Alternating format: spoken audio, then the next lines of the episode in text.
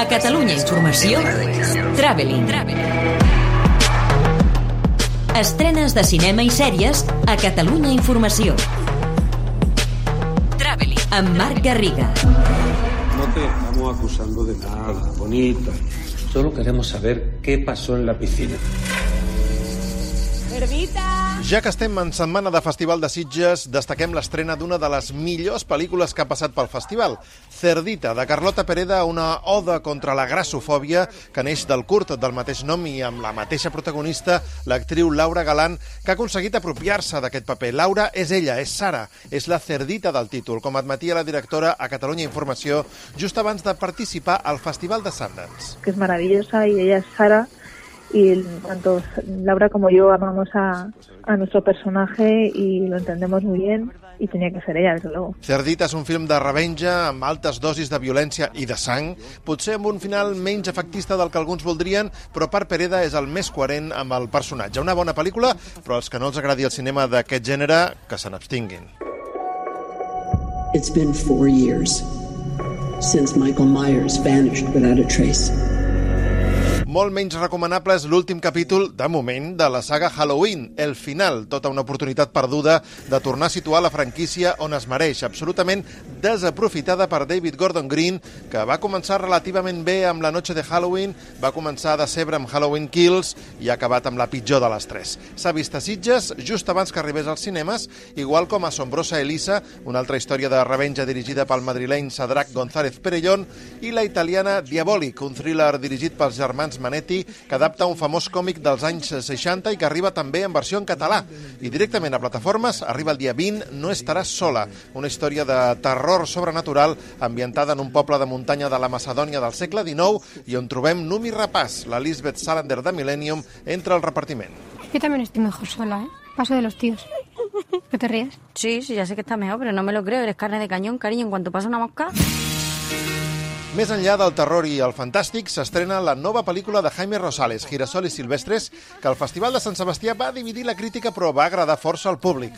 Al film, Ana Castillo és una mare soltera que intenta trobar l'estabilitat emocional amb tres parelles diferents amb resultats desiguals. És, en definitiva, un retrat de les diverses cares de la masculinitat tòxica amb un to més naturalista i menys críptic que les obres anteriors de Rosales, que confessava a Catalunya Informació que aquest cop vol arribar al públic. Jo vaig fer dos pel·lícules molt, molt experimentals, d'alguna manera un privilegi que la indústria permeti fer aquestes dues pel·lícules que eren Tiro en la cabeza i Sueño i silencio i potser en el futur tornaré a experimentar d'una manera més radical. En aquest moment m'interessa molt arribar a l'espectador fer pel·lícules que la gent parli no? eh, i penso que el cinema necessita tornar a ser important per la gent. Anna Castillo està esplèndida, com és habitual, i és el pal de paller d'un film que abusa dels tòpics i que té com a protagonistes masculins Oriol Pla, Quim Ávila i Lluís Marquès. Completa la cartellera l'últim film de François Ozon, el de La casa i Franz, que a Peter von Kant adapta de forma irregular l'obra de Fassbinder Les amargues llàgrimes de Petra von Kant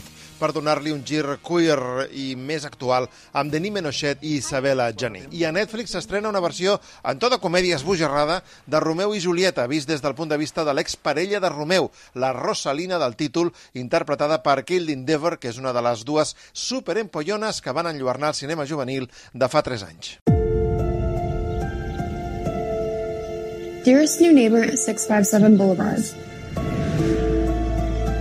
Pel que fa a les sèries, també hi ha novetats terrorífiques perquè s'acosta el Dia dels Morts. A Netflix s'estrena El Vigilante, sobre el cas real d'una casa assetjada per un sinistre personatge i que protagonitzen Naomi Watts, Bobby Cannavale i Mia Farrow. I a Disney Plus Candy, Asesinato en Texas, també basada en un cas real, el d'una coneguda assassina protagonitzada per Jessica Biel. A més, a Apple TV Plus trobem Charlie Hunnam, l'actor principal de Hijos de l'Anarquia, que torna a la petita pantalla amb Shantaram, on es reencarna en un personatge similar al seu Jack Steller, tot i que aquí és un lladre de bancs addicte a l'heroïna que fuig d'una presó de Bombay i s'alia amb la màfia afganesa. Netflix també aposta per Naso Animri i Alba Flores com a mares coratge a Sagrada Família i el canal AMC presenta The Dirty Black Bag, un homenatge als spaghetti western que narra l'enfrontament entre un xerif incorruptible i un caçarrecompenses famós per decapitar les seves víctimes i ficar-ne els caps a les bosses negres del títol. Traveling. Estrenes de cinema i sèries a Catalunya Informació. Amb Marc Garriga.